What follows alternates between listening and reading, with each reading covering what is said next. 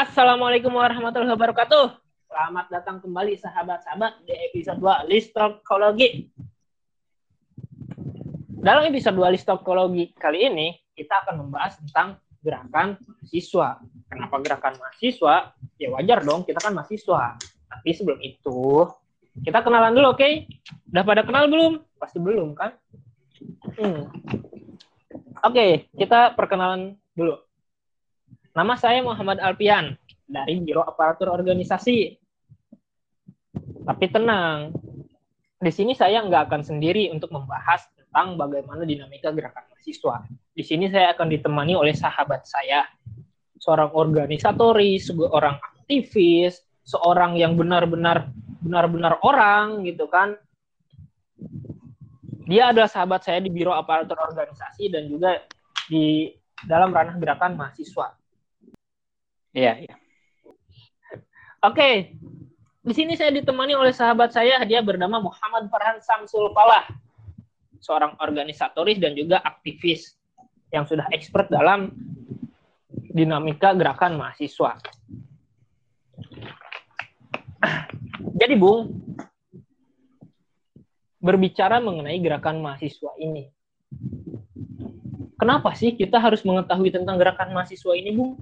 Apa sih urgensinya terhadap uh, kita itu untuk mengetahui dan memahami terkait gerakan mahasiswa uh, itu sendiri, Bung? Apa kira-kira Gini ya, kawan Alpian pendapat Anda? Uh, izin perkenalkan dulu, nama saya Muhammad Farhan Samsul Pala, yang mungkin di, di fakultas sering disebut Bang Mo, ada yang di, disebut juga Bung, dan macam lah ada kamerat juga kalau di Win kan beraneka ragam sebutan ada gitu. Saya sempat apa ya, sempat malu juga tadi Bung Alpian menyebutkan saya seorang organisatoris atau seorang aktivis karena uh, diri pribadi saya diri diri pribadi saya belum oh. nyampe ke situ gitu. Kenapa malu? Kalau kata kalau kata Munir kan seorang aktif, aktivis itu uh, oh, pangkat tertingginya bukan jabatan tapi mati gitu. Saya bukan belum sampai ke situ gitu. Organisasi pun beberapa hanya beberapa belum belum masih belum apa belum oh, iya, berarti uh, se masih seorang para petinggi-petinggi di organisasi lain gitu. Uh, berbicara gerakan mahasiswa ya dalam tema tema tema sekarang khususnya tema tema sekarang tuh ini ya apa hmm, sejarah gerakan mahasiswa dan arah gerakan mahasiswa ya. Berbicara itu Eh ya, ya berbicara itu kalau di sini saya memposisikan bukan ahli sejarah bahkan bukan seorang sarjana sejarah gitu. Karena di sini saya hanya sebagai analisa, menganalisa sebagai orang-orang yang membaca buku gitu. Kita masuk aja langsung bahwa apa yang ditanyakan tadi sama Bung Alpian, hmm. apa sih gerakan mahasiswa? Mengapa kita harus ada eh, harus ada gerakan mahasiswa? Karena secara prinsip Oh iya. Hmm, Karena secara prinsip atau secara juga, taksiran gerakan suatu gerakan tuh luas ya, sangat luas. Tapi secara universal atau secara di di keseluruhan bahwa suatu gerakan mahasiswa itu merupakan suatu perjuangan atau suatu resisten terhadap apa yang akan diperjuangkan oleh mahasiswa tersebut. Dalam perjuangan tersebut ada beberapa motif ada beberapa motif yang menjadikan ciri itu. Motif tersebut menjadikan ciri perbedaan antara gerakan mahasiswa yang satu dengan yang lainnya gitu. Mungkin itu ada beberapa apa ya pengertian dasar dari gerakan mahasiswa itu sendiri, Bu. Hmm. Berbicara mengenai gerakan mahasiswa juga ya. Baru-baru ini, ini ada nih yang lagi panas-panasnya mengenai gerakan mahasiswa tolak omnibus law. Menurut Anda, bagaimana sih seharusnya mahasiswa itu dalam menyikapi isu tersebut, Bung? Apakah sudah tepat langkah yang dilakukan uh, oleh para mahasiswa atau para organisasi seperti BMSI atau BMKema universitas-universitas lain atau pandangan anda pribadi benar mungkin jadi jadi serius gini ya pembicaraan tapi berbicara gerakan emang gerakan rakyat harus serius gitu. Tapi saya menjadi menjadi tegang gini bung. Berbicara aja santai santai. Di sini nggak ada intel ataupun impostor yang masuk ke sini bung. Jadi ya, anda nggak akan berbicara gitu. sebelum masuk kita ya pandangan gerakan mahasiswa saat ini apalagi gerakan-gerakan tolak omnibus law. 2019 ada tolak RKUHP eh, rancangan KPK atau dan dan lain-lainnya gitu. Kita harus bertolak belakang dulu, flashback ke belakang gitu, jauh di mana di mana gerakan mahasiswa itu tercipta gitu. Secara secara sejarah, gerakan mahasiswa itu ada dan terciptanya secara universal di seluruh dunia. Mengapa seluruh dunia? Karena gerakan gerakan mahasiswa tersebut ada di Indonesia atau terciptanya ada di Indonesia, dimulainya di Indonesia karena ada pengaruh intrik dari pengaruh global atau pengaruh dunia. Jika orang kita apa ya?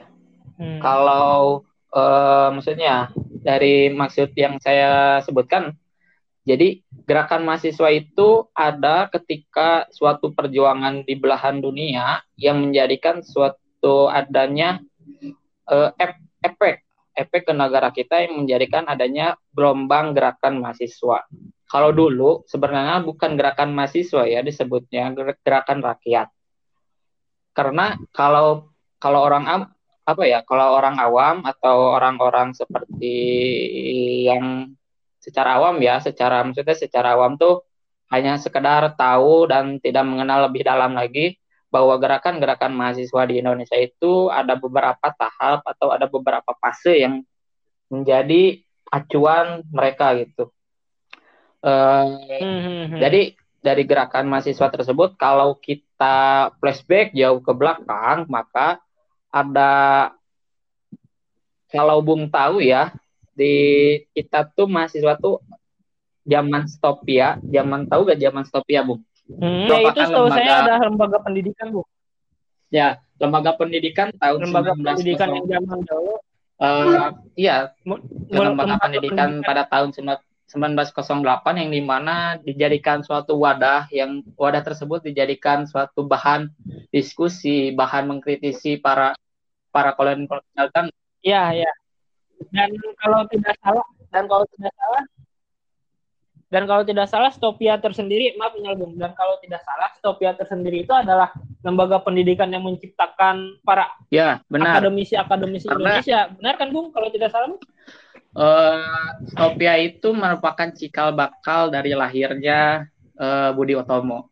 Merupakan uh, kalau pada tahun tersebut tahun 20 1928 masa Bung Hatta kuliahnya di luar negeri pas pulang ke Indonesia ya ngumpulnya di situ saling berdiskusi saling mempropagandakan hmm. apa ilmu-ilmu yang untuk kemaslahatan rakyat untuk melawan para penindas para kolonial Belanda saat itu itu bu nah itu merupakan menjadi cikal bakal dari gerakan-gerakan mahasiswa gitu karena hmm. eh, apa ya ingin meluruskan saja gitu kalau waktu itu bukan sebutan gerakan mahasiswa seperti sekarang gitu uh, dulu persebutannya adalah uh, gerakan gerakan rakyat itu, perjuangan rakyat.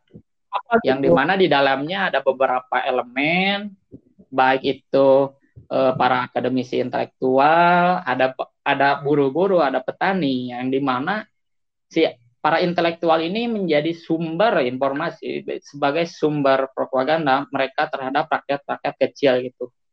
Jadi perjuangan-perjuangan melawan imperialis Belanda itu hmm. sangat hmm. sangat sangat apa ya sangat ter, sangat konsisten lah terhadap perjuangan saya itu gitu. Uh, lanjut lanjut ke setelah fase zaman tersebut ya, fase zaman 45 gitu. Pergolakan-pergolakan perjuangan mahasiswa itu menjadi apa ya menjadi semakin membesar karena adanya suatu suatu unsur organisasi yang mulai muncul saat itu.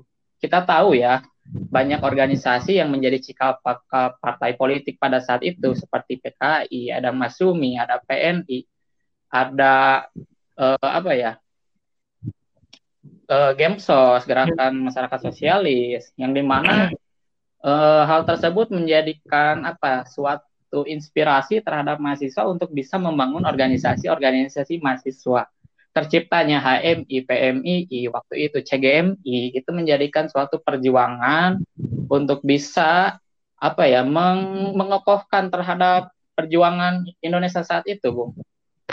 Itu perjuangan yang Bung tahu kalau kawan-kawan yang lain tahu yang mendengarkan tahu uh, setelah Indonesia yang terbebas dari cengkraman kolonial sama fasisme mm -hmm. Jepang pergolakan per apa ya pergolakan per persaingan ideologi persaingan politik perang-perang politik yang menjadikan ada pergolakan mahasiswa saat itu yang pada saat itu mahasiswa tersebut dengan apa ya dengan intrik intrik mahasiswa terhadap perjuangan karena musuh bersama Belandanya sudah tidak ada karena haus akan perjuangan maka mahasiswa tersebut akan terus mengkritisi mengkritisi suatu pemimpinan yang ada gitu. Waktu itu zaman Soekarno eh, lagi hangat-hangatnya perang politik, iya, lagi hangat-hangatnya perang politik antara hmm. PKI dan Masumi atau dan politik-politik nasionalis itu menjadikan kesempatan bahwa eh, mahasiswa ini harus mendorong keinginan-keinginan rakyat untuk pencapaian. Pada saat itu gerakan apa ya? Eh, uang uang apa bukan uang ya harga belanja kebutuhan sangat mahal eh, kebutuhan pokok yang tidak merata saat itu menjadi bahan pokok eh, perjuangan mahasiswa meletusnya pasca 65 pasca G30 SPKI gerakan mahasiswa yang ya gerakan mahasiswa yang menjadi ya cikal bakal terhadap penurunan Orde Lama atas tuntutan-tuntutan penurunan harga bahan, bahan pokok serta penurunan Soekarno serta pemubaran PKI pasca 30 SPKI tersebut menjadikan cikal bakal bahwa mahasiswa itu eh, arah dan tua arah dan tujuannya akan seperti itu terus gelombangnya itu Bung. Nah ini menarik nih Bung. Uh, Sebentar ya Bung, sebelum sebelum lanjut membahas mengenai sejarah gerakan mahasiswa, ini ada hal yang menarik nih. Uh, seperti yang kita ketahui sendiri gitu, Orde Lama ataupun zaman pemerintahan Insinyur Soekarno itu digulingkan oleh gerakan mahasiswa tersendiri. Uh, tepatnya benar atau, atau enggak nih, Bung? Benar kan, Bung? dan gerakan politi politisasi militerisme lah. Iya, itu dia. Dan salah satu uh, sosok ataupun tokoh yang bisa kita semua sahabat-sahabat mahasiswa ya, menang di sini adalah Suhokji gitu ya seorang aktivis mahasiswa yang berasal dari Universitas Indonesia yang meninggal dalam usia muda di kala pendakiannya. Nah, Bung, menurut Anda, Bung, uh, ini kita intermezzo dulu aja ya, Bung, sebelum kita uh, membahas ke dalam sejarah gerakan mahasiswa yang Bung sebutkan dari tadi. Menurut Anda, Bung, uh, bagaimana sih pandangan Anda terkait uh, gerakan mahasiswa tahun 65 itu jika dikorelasikan dengan apa yang terjadi hari ini? Dan ada tidak yang bisa kita uh, ambil hikmahnya atau kita contoh lah mungkin dari Suhokgi atau dari atau langsung Kalau dari gerakan mahasiswa itu gimana Bung itu? Waktu itu itu yang harus kita contoh itu semangat mereka. Semangat atas penderitaan penderitaan rakyat. Karena berbicara Sohoki tidak akan lepas dengan suatu idealismenya, dengan suatu kekokohan atas pen, atas penindasan rakyat. Itu. Itu mungkin yang harus di apa yang harus diperjuangkan, yang harus di kita contoh terhadap perjuangan waktu itu. Karena uh, itu merupakan modal dasar lah terhadap suatu gerakan. Bung. Nah, Bung, Bung melihat enggak sih, Bung sebenarnya, Bung, uh, terhadap realita terkait gerakan mahasiswa uh, zaman sekarang gitu ya. Karena menurut saya nih ya, ada beberapa problem yang bisa menjadi uh, sesuatu yang menghambat akan gerakan mahasiswa ini. Itu itu pandangan saya ya terhadap gerakan mahasiswa sekarang seperti uh, ya. apatisme para mahasiswa gitu ya bahwa di dalam di dalam 4.0 kali ini kan bukannya mahasiswa menambah nalar kritisnya, tapi malah tumpul gitu, sehingga menimbulkan apatisme mereka tersendiri. Ini menurut Bung ini gimana nah, sih Bung? Berbicara suatu gerakan mahasiswa saat ini, kita kalau menganalisis melewati apa fase-fase sejarah yang telah kita lewati di negara ini yang dicinta gitu, uh, asal muasal ya, ya. sebab ya kenapa gerakan hmm. mahasiswa sekarang saat ini menjadi seperti apa ya seperti ibaratnya lo, loyo ya? E, terhadap perjuangan loyo. Ya. Karena lemah karena loyo. dinilai loyo? lemah loyo? terhadap memperjuangkan. Lem, iya maksudnya lemah tuh iya, uh, loyo, enggak loyo, enggak konsisten gitu enggak konsisten dalam suatu perjuangan. Itu karena melihat dari cikal bakal gerakan mahasiswa seperti ini iya. tidak lepas dari uh, sebab muas uh, apa ya sebab musabab dari uh, pemberangusan suatu intelektual suatu suatu ide yang ada di waktu itu pada zaman mahasiswa saat itu khususnya saat kebangkitan orde baru menggantikan orde lama yang kita kita masuk lagi ke sejarah ya masuk lagi sejarah karena ini saling berikatan hmm. karena uh, kalau sejarah yeah, waktu yeah. Orba gitu tahun 74 kalau Bung tahu ya tahun 74 setelah uh, apa setelah presiden kedua kita Soeharto naik ada kekecewaan terhadap mahasiswa, ter, ada pemberontakan ter, uh, terjadi waktu tahun tersebut, puncaknya tahun 74, kita tahu ada peristiwa malari, malapetaka 15 Januari yang menimbulkan korban hmm. banyak itu akibat penembakan oleh aparat hmm. TNI gitu, Bung. Itu menjadikan cikal bakal menjadikan cikal bakal hmm. terhadap hmm. ya, saya itu pemberangusan terhadap uh, nilai kritis, nilai intelektual mahasiswa tersebut, Bung. Karena pada tahun 77, tahun 77 ke 78 Hmm. Ini merupakan puncak di mana para mahasiswa bisa apatis, ma para mahasiswa tidak peduli dengan lingkungan sosialnya, tidak peduli dengan uh, situasi politiknya karena waktu itu Orde Baru khususnya rejim Soeharto memperlakukan NKK BKK, normalisasi kehidupan kampus dan badan badan koordinasi kampus. Kalau Bung tahu, apa itu? waktu itu di apa ya waktu zaman hmm uh, zaman sebelum NKK BKK diberlakukan ya, mahasiswa itu bebas berpolitik, bebas melakukan aksi, bebas melakukan hmm. ikut serta dalam perpolitikan negara. Nah, uh, kalau Bung tahu, kalau waktu itu belum ada BEM, masih Dema, hmm. kayak Dema itu, Dewan Mahasiswa sebutannya.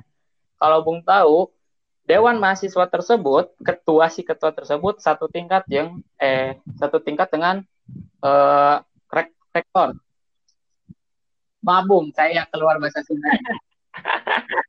ya. Lidahnya masih seperti kelihatan satu tingkat yang re, yang rektor gitu, Bung. Karena kalau ada apa pun instruksi dari pemerintah, si ketua Dema itu bukan menjadi iya, iya. pelaksana terhadap instruksi tersebut, bahkan ketua demo bisa mengkritisi, bisa menggagalkan instruksi tersebut karena tingkatan tersebut. Nah, karena sikap pasis ketakutan ketakutan dari re, rejim Orde Baru tersebut, maka diberlakukan ke NKK BKK, normalisasi kehidupan kampus. Nah, waktu itu kehidupan politik kampus dibekukan, dema dibekukan, ketua-ketua dema seluruh Indonesia hampir beberapa ditangkap dan dipenjarakan. Itu merupakan suatu pemberangusan inti dari program kebijakan NK, NKKBKK hmm. dari Orde Baru itu adalah bahwa mahasiswa itu harus diam saja di kelas, e, melakukan penelitian-penelitian saja jangan turun ke jalan, Wah. jangan turun ke masyarakat, jangan ikut perpolitikan yang ada di negara. Itu inti dari pemberangusan NKK BKK tersebut. Yang cikal bakalnya terus ke sini, terus ke sini gitu. Berarti secara tidak langsung ya. NKK BKK ini adalah suatu pencekalan dong, Bu? Ya, ya. Terhadap ya, hak yang karena waktu itu mahasiswa. Begitu. Uh, karena ketakutan karena waktu peristiwa malari kan hampir semua mahasiswa turun ke jalan menyerbu menyerbu beberapa ini waktu karena diberlakukan hmm. NKK itu karena berkaca terhadap uh, kejadian malari biar gak kejadian biar mahasiswanya kondusif diam di kampus gitu. Nah terhadap protes protes protes beberapa tahun 83 masyarakat Indonesia mulai sadar terutama mahasiswa ya mahasiswa mulai sadar terhadap harus ada perlawanan terhadap rejim Orde Baru ini terus dilakukan penggencaran dilakukanlah suatu apa ya suatu protes yang maksudnya ya uh, itu pembentukan suatu pembang, pembentukan kekuatan yang di mana mahasiswa mulai uh, ikut dalam organisasi-organisasi untuk membangun kekuatan para buruh untuk membangun para serikat-serikat uh, kaum tani pun melakukan uh, mogok mogok, ibaratnya mogok tani lah, memperhatikan produksi pangan. Nah, itu berlangsung sampai puncaknya di 98. Kalau Bung tahu di eh, dari tahun 80 90 ke 98 itu banyak partai eh, bukan banyak ya, ada beberapa kayak PRD gitu. Partai yang waktu order baru lah ibaratnya orde baru dengan anti PKI-nya dia mengangkat dengan ideologi partai sosial demokratisnya gitu itu merupakan cikal bakal perlawanan Orde Baru. Karena yang mau tekanan, tekankan dari saya itu bahwa kenapa Orde Baru bisa hancur gitu. Karena gerak bukan hanya gerakan mahasiswa yang turun, tapi gerakan nasional, gerakan perjuangan, satu garis perjuangan untuk bisa menjatuhkan Orde Baru tersebut. Karena misalnya kalau hanya mahasiswa yang turun, kejadiannya akan sama seperti malari mahasiswa habis ditembak. Pada waktu itu 98 krisis terjadi karena mahasiswa menghentikan pembelajaran keluar dari kelas turun ke jalan orasi para buruh mogok produksi. Mereka mogok masa nasional. Mm -hmm. dan plusnya itu kaum tani oh. menghentikan produksi pangan ke kota. Itu yang menjadikan krisis menjadikan suatu keadaan genting bagi istana gitu. Itu bung. Kalau berbicara sejarah sehingga ya, ter, reformasi, terciptalah gitu. reformasi 98 begitu ya. Iya. Nah bung uh, melihat situasi saat ini bung terkait gerakan mahasiswa terutama tadi kita membahas NKK dan DKK kan. Sekarang muncul lagi bung uh, program dari Menteri Pendidikan yang dinamakan dengan program Kampus Merdeka yang banyak menuai pro dan kontra. Menurut Anda nih, Bung, uh, bagaimana sih pandangan Anda terhadap gerakan mahasiswa pada saat ini gitu, Bung? Dan apakah uh, program Kampus Merdeka ini akan serupa dengan apa yang Bung sebutkan tadi mengenai NKK BKK karena kan memang rumor terkait kampus Merdeka ini katanya uh, begini begitu kan seperti yang Bung sebutkan sehingga banyak mulai pro dan kontra. Nah, menurut pandangan Anda gimana Bung mengenai gerakan mahasiswa saat ini, Bung? Ya, Bung, mengenai gerakan si, si gerakan mahasiswa saat ini gitu. Tidak lepas dari suatu watak yang diciptakan dari produk hasil Orde Baru saat ini mahasiswa. Kalau kata Karl Marx, seorang mahasiswa atau kita kita itu merupakan borjuis kecil yang yang notabene-nya tidak jauh dari watak oportunis yang selalu uh, memanfaatkan situasi yang ada. Watak-watak sporadis, watak-watak borjuis kecil yang menciptakan hanya ekstensi, hanya mementingkan kepentingan pribadi daripada hmm. kepentingan orang lain. Itu menjadi penyakit terhadap gerakan mahasiswa saat ini. Ditambah dengan kebijakan-kebijakan seperti kampus merdeka hmm. yang ibaratnya jangan kita apa ya karena kampus Merdeka pun hanya masih sebatas cenayang-cenayang belum ada kebijakan pastinya kita udah bisa menganalisis dari hasil kemarin dari hasil aksi omnibus law iya, uh, iya. kalau gimana itu yang surat surat keputusan dari Kemendikbud atau Kemendikbud yang yang ada beberapa poin bahwa oh, yang mahasiswa dilarang mahasiswa, Iya, yang itu, Bung. Iya, saya sudah ya. membaca itu, Bung. Ya, gimana gimana ya, surat, itu, Bung? Benar enggak? Surat edaran tersebut menjadi cikal bakal pemberangusan demokrasi di kampus, Bung. Karena eh, itu merupakan produk hasil kebijakan pemerintah rejim saat ini gitu. Dari kalau Nadiem Makarim dengan kampus merdekanya ya itu produknya gitu produknya kita hmm. udah bisa menganalisis dari surat edaran itu bahwa kita akan di, didiamkan akan dipasifkan di kampus iya, iya, iya. ya itu menjadi situasi uh, yang menjadi cikal bakal terhadap diamnya suatu gerakan mahasiswa tidak hmm. jelasnya suatu gerakan mahasiswa itu iya iya bahkan juga kan saya juga sempat mendengar kabar kabar ya Bung katanya bahwa eh, COVID atau pandemi di Indonesia ini sengaja dilama-lamakan supaya kampus itu diliburkan gitu kan agar mahasiswa tidak mempunyai dibatasi gerakannya. Saya juga sempat mendengar itu tuh Bung. Isu-isu ya. itu Bung. Tapi ya itu sudahlah ya. karena ya dalam situasi dan kondisi apa pun, kalau menurut saya ya pandemi ini tidak bisa menghalangi gerakan mahasiswa. Ya, minimal mahasiswa itu harus terus bergerak dalam segi pikirannya. Sepakat tidak Bung kalau menurut dengan pendapat saya Bung? Sepakat, sepakat. sepakat Karena ya. ber, berbicara situ apa ya rumor-rumor seperti itu yang hmm. perlu kita analisis lebih kaji, ya dikaji ulang lah, dikaji ulang lebih dalam karena hmm ini ya poin poin poin utama yang mungkin beberapa poin utama yang akan disampaikan yang selain yang tadi adalah uh, kita di gerakan mahasiswa jangan terlalu fokus lah kita seorang mahasiswanya. Harus beralmet harus turun aksi harus terus berorasi dengan almet. Enggak. Karena saya sangat prihatin kemarin ada beberapa statement bahwa yang aksi hanya harus orang hanya harus mahasiswa pelajar SMA, pelajar ini nggak boleh, yang nggak kuliah jangan aksi. Itu sangat miris sekali karena hmm.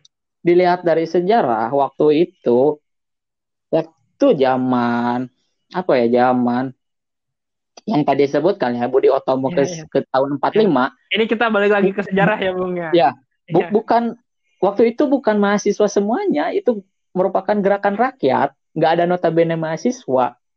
Hmm. Yang Bung tahu waktu itu Semaun mengorganisir uh, mogok buruh di umur 16 tahun, di umur pelajar saat ini.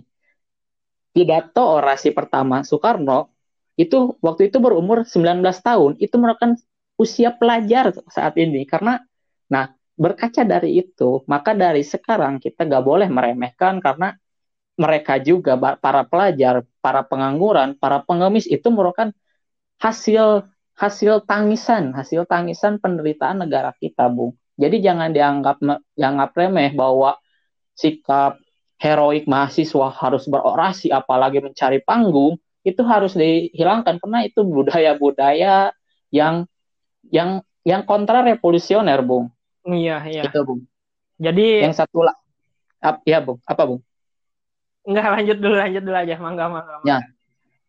Ditambah lagi bahwa kenapa yang tadi ya balik lagi ke pertanyaan Bung bahwa situasi hmm. gerakan mahasiswa saat ini kenapa bisa gini gitu apatis eh, nggak uh, masif itu nggak hmm. sistematik tidak terorganisasi karena kita tuh belum satu uh, satu tujuan bukan belum satu frame ya nggak ada satu frame nggak ada musuh utama karena kalau kita balik lagi ke ke flashback ke belakang bahwa tahun pasca 1908, 1928, 45 itu musuh utamanya ada. Kolonialisme Belanda. Waktu hmm. 65 ada musuh utamanya Presiden Soekarno. Waktu Orde Baru ada musuhnya Orde Baru. Nah, sekarang kita belum terframe musuh utama kita, kita harus fokus. Musuh utama kita siapa? Musuh tujuan musuh ya tujuan yang harus kita kita lawan itu siapa? ini iya, merupakan iya. suatu skema skema pecah ya, skema perpecahan dari imperialis-imperialis khususnya imperialis Amerika sebagai pemegang kekuasaan terhadap negara kita menjadi yang menjadi korban perang dagang ya kalau diteruskan kalau kalau kita mencoba gitu itu merupakan pandangan-pandangan terhadap gerakan mahasiswa saat ini gitu kenapa gerakan mahasiswa sekarang bisa gini terpecah-pecah. Kita iya. kalau saya pribadi kalau melihat dari gerakan kemarin ya apa gerakan kemarin tanggal berapa sih?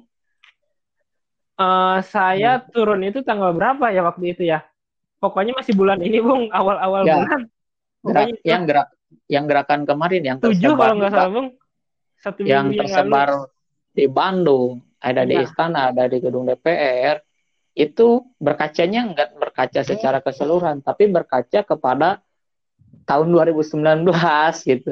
Waktu 2019 kan eh, perjuangan-perjuangan penolakan RKUHP, pengesahan RUU PKS itu hancur gitu. Revolusi, reformasi yang dica, dica apa ya digaungkan itu gagal. Ada beberapa eh, kayak penjilat-penjilat dari suatu gerakan gitu enggak oh. konsisten terhadap gerakan-gerakan mahasiswa tersebut khususnya gerakan rakyat yang apa ya? Mungkin ini menjadi solusi ya solusi apa yang harus kita lakukan. Kita semua harus bersatu.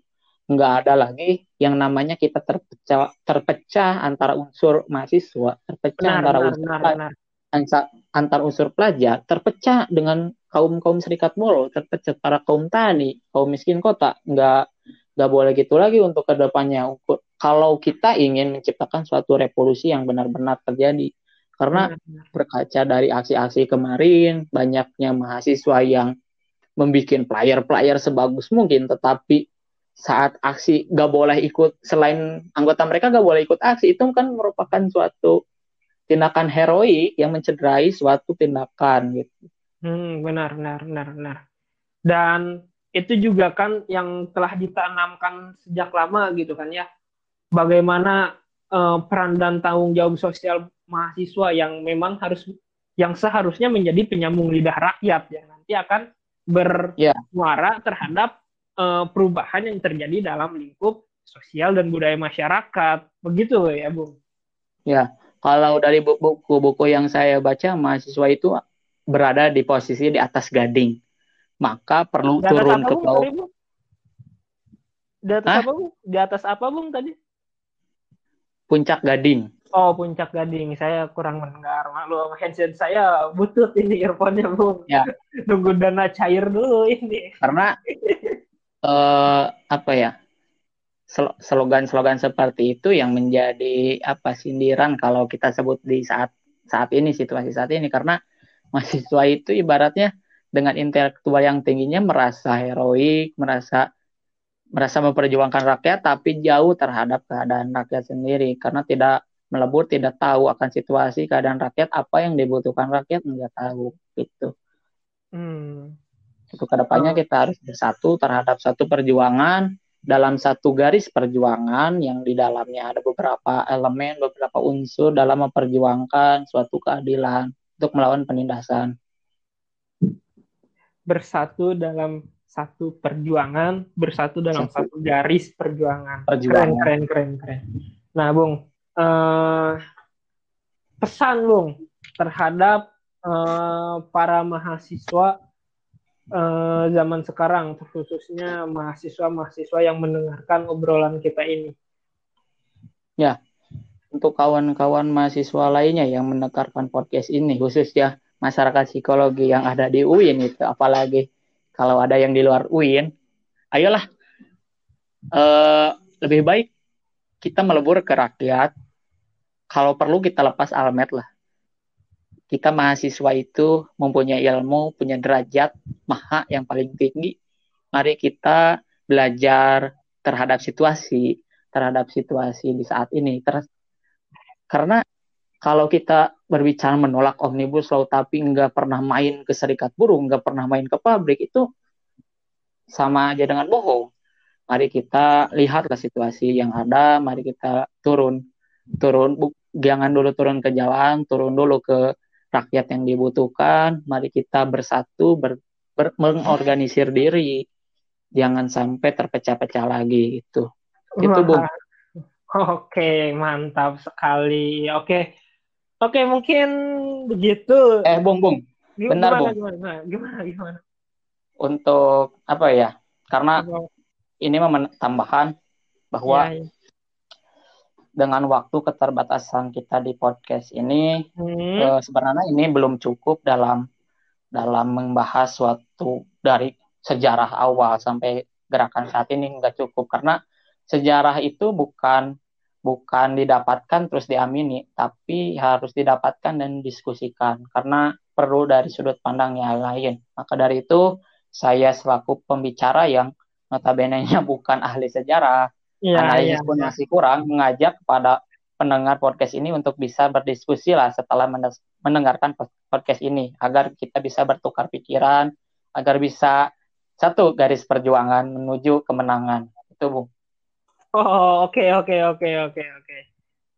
Uh, oke, okay, mungkin uh, kita telah sampai ya terhadap akhir podcast ini. Kita akhiri saja podcast kali ini. Semoga uh, dengan munculnya podcast kali ini, obrolan-obrolan kita kali ini dapat memantik semangat sahabat-sahabat mahasiswa untuk dapat terus bergerak secara dinamis dan sistematis uh, menyikapi realitas sosial yang ada sebagai satu nama mahasiswa membawa satu kepentingan kesejahteraan masyarakat. Terima kasih. Sebelum kita akhiri, mari mari kita salam psikologi, Bung. Ayo, Bung, kita tutup dengan salam ayo. psikologi, Bung. Ayo, ayo, ayo. Oke, saya pimpin ya, saya yang pimpin ya. Siap, Bung. Oke, oke. Oke. Salam psikologi. Salam sehat Salam psikis sehat. Indonesia. Indonesia.